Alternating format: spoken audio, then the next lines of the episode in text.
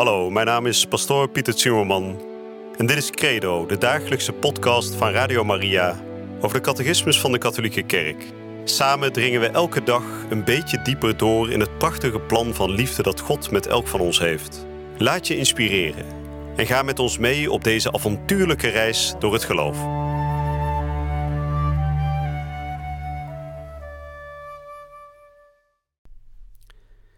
Vrienden, welkom bij deze nieuwe uitzending van Credo, waarin we deze dagen spreken over het laatste deel van de geloofsbeleidenis, het deel dat spreekt over de Heilige Geest. We hebben in de vorige uitzending gehoord dat de Heilige Geest met name in het licht wordt gesteld door God in de eindtijd, de tijd na de komst van Jezus Christus naar de aarde. Het Oude Testament is vooral vervuld van de aanwezigheid van God de Vader. En ook de Zoon en de Geest zijn daarin aanwezig, maar toch met name de Vader die duidelijk zichtbaar aanwezig is.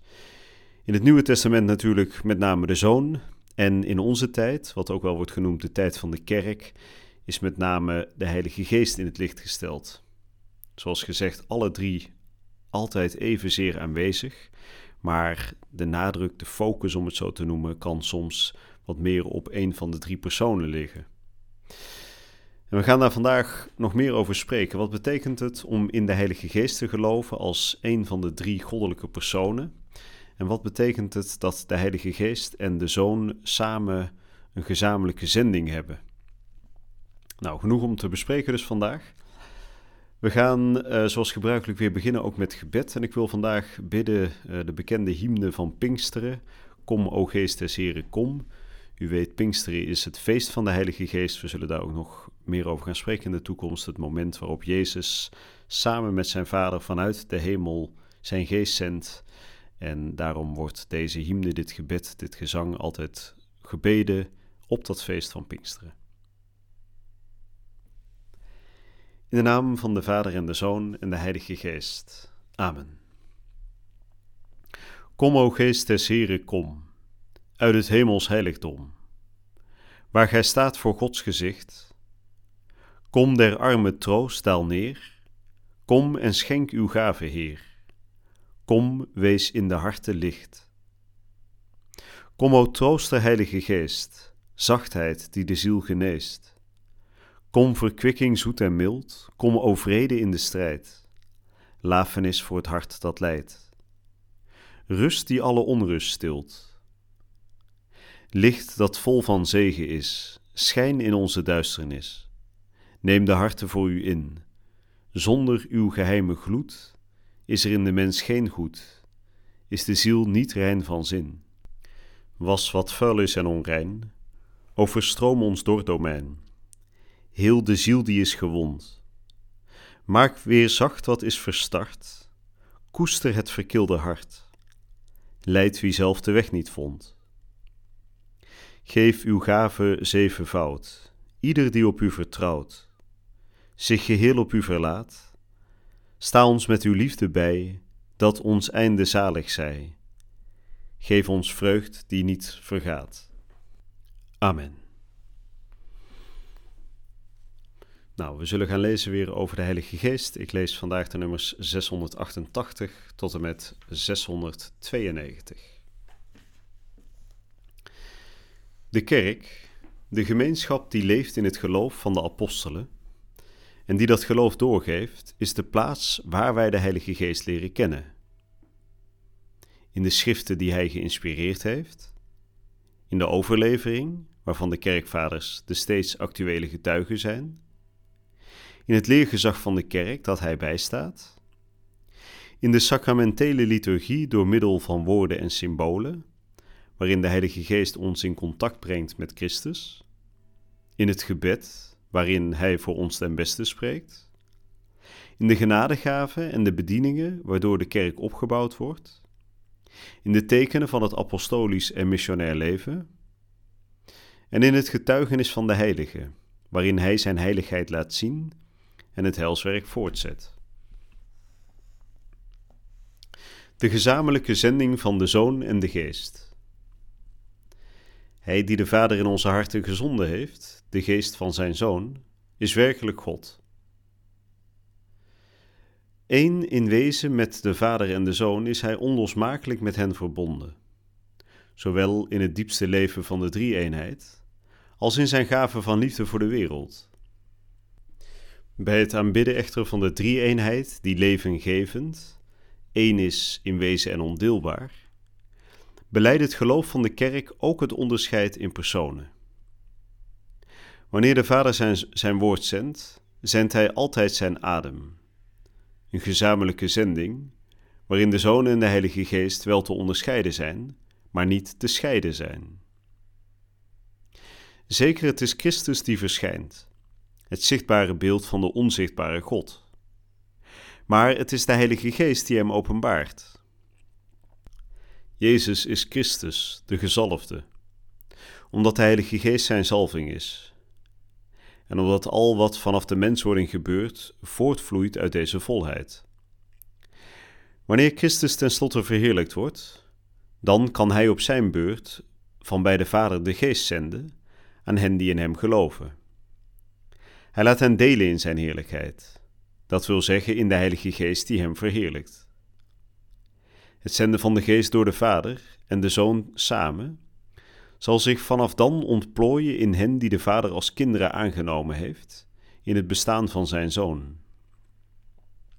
De zending van de Geest, in wie de aanneming als kind van God tot stand komt, is hen met Christus te verenigen en hen in Hem te doen leven. De term zalving suggereert dat er tussen de Zoon en de Heilige Geest geen afstand is. Immers, zoals verstand nog zintuigen waarnemen dat er iets is tussen het lichaamsoppervlak en de zalving met olijfolie, zo is er rechtstreeks contact tussen de Zoon en de Heilige Geest.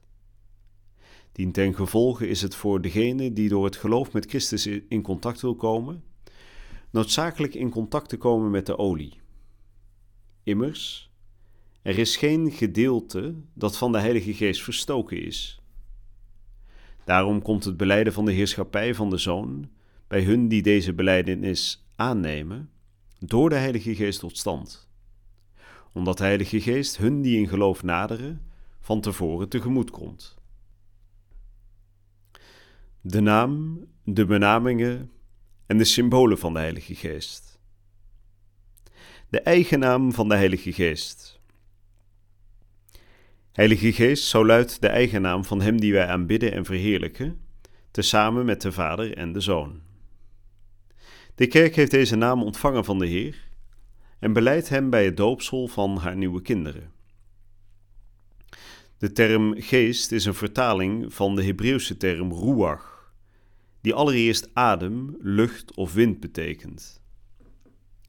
Jezus gebruikt juist dit zintuigelijke beeld van de wind om Nicodemus een idee te geven van de transcendente nieuwheid van hem die persoonlijk Gods adem is, de goddelijke geest. Anderzijds zijn geest en heilig goddelijke attributen die gemeenschappelijk zijn aan de drie goddelijke personen. Maar door de twee termen met elkaar te verbinden, duiden de schrift, de liturgie en het theologisch taalgebruik op de onuitsprekelijke persoon van de Heilige Geest en sluiten de dubbelzinnigheid uit die mogelijk is in andere gevallen waarin mijn geest en heilig gebruikt. De benamingen van de Heilige Geest. Wanneer Jezus de komst van de Heilige Geest aankondigt en belooft, noemt hij hem Parakleet. Letterlijk, hij die erbij geroepen wordt. Advocatus. Parakleet wordt gewoonlijk vertaald met helper waarbij Jezus de eerste helper is. De Heer zelf noemt de Heilige Geest Geest der waarheid. Behalve zijn eigen naam, die het meest gebruikt wordt in de handelingen van de apostelen en de brieven, vindt men bij de heilige Paulus de benamingen de geest der belofte, de geest van kindschap, zijn, tussen haakjes, Jezusgeest, de geest des Heren, de geest van onze God en bij de heilige Petrus de geest der heerlijkheid. Nou, dat waren de nummers voor vandaag. Er is veel gezegd. Ik zal het niet allemaal gaan herhalen natuurlijk, maar een paar punten. Uh, de catechismus die openen vandaag met te noemen waar we de Heilige Geest allemaal werkzaam zien, waar we Hem leren kennen. En dan wordt er gesproken over de Heilige Schrift, over de overlevering, het leergezag van de kerk dat Hij bijstaat, in de liturgie, in het gebed, in het missionaire leven, in het getuigenis van de Heilige. Nou, u hoeft dat allemaal niet uit uw hoofd te weten. Dat de Heilige Geest dus op heel veel manieren door de kerk heen werkt. Vervolgens hebben we gehoord over de gezamenlijke zending van de Zoon en de Geest. En dan wordt die vergelijking gemaakt met olie. Waarom? Nou, Jezus Christus is de gezalfde. U weet, Christus, daar hebben we eerder over gesproken, betekent in het Grieks gezalfde, in het Hebreeuws Messias. En hij is gezalfd met olie, met de olie van het koningschap. En die zalf, die olie, dat was olijfolie in de tijd van Jezus. En dan wordt er de vergelijking gemaakt en dan wordt er een citaat uh, gebruikt van de heilige Gregorius van Nyssa. U hoeft dat ook niet te onthouden. Maar dan wordt er wel die vergelijking gemaakt met op het moment dat olie huid raakt, dat die twee een soort eenheid gaan vormen. Dat je die twee niet meer helemaal los van elkaar kunt zien. En zo werkt dat ook met de Zoon en de Heilige Geest. dus de Zoon is degene die is gezalfd met de Heilige Geest, helemaal doordecemd is van de Heilige Geest. En in die zin is Jezus, de, de levende Zoon van God, de huid van Jezus is helemaal doordrongen van die olie van de Heilige Geest. Dan wordt er vervolgens gesproken over het feit dat de Heilige Geest ook een naam is voor God. Dus het is niet alleen maar een soort technische aanduiding van Hij is Geest en Hij is Heilig. Nee, de Heilige Geest is ook echt de naam van de derde persoon van de drie-eenheid. Zoals de eerste persoon de Vader heet, de tweede persoon de Zoon heet en de derde persoon heeft dus echt als naam, als eigen naam, de Heilige Geest. Dus het is niet alleen een aanduiding van zijn functie, tussen aanhalingstekens, maar het is een echte naam. Nou, de Heilige Geest heeft nog meer namen. Hij wordt ook wel parakleet genoemd. Letterlijk betekent dat degene die erbij wordt geroepen. In het Grieks parakaleio, erbij roepen. Dus degene die er door Jezus bij wordt geroepen als derde persoon. In het Latijn advocatus, we kennen ons woord advocaat natuurlijk, dat betekent letterlijk ook ad erbij en vocare roepen. Dus advocaat degene die erbij geroepen wordt, die onze zaak bepleit. En nou, dan horen we nog verschillende namen die de Heilige Geest krijgt in de handelingen van de apostelen en in de brieven van Paulus en Petrus. In de volgende uitzending gaan we spreken over alle symbolen die er worden gebruikt voor de Heilige Geest. Hij wordt natuurlijk heel vaak als duif afgebeeld, maar er zijn nog meer symbolen en daar gaan we morgen over spreken. Voor nu wens ik u een hele goede en ook gezegende dag toe. En ik hoop u hier weer bij Radio Maria te ontmoeten voor de nieuwe uitzending van Credo. Je luisterde naar Credo, de dagelijkse podcast van Radio Maria over de catechismus van de Katholieke Kerk. Credo is iedere werkdag te beluisteren op Radio Maria. Maar je kunt de afleveringen ook in je eigen tempo terugluisteren op onze website, in de app of op Spotify en de andere platforms. Via de website radiomaria.nl vind je dagelijks de link om de bijbehorende teksten uit de catechismus mee of terug te lezen. We zijn erg dankbaar voor alle giften die wij mogen ontvangen. Daardoor kunnen we ons goede werk blijven doen. Draag je ook bij aan deze missie?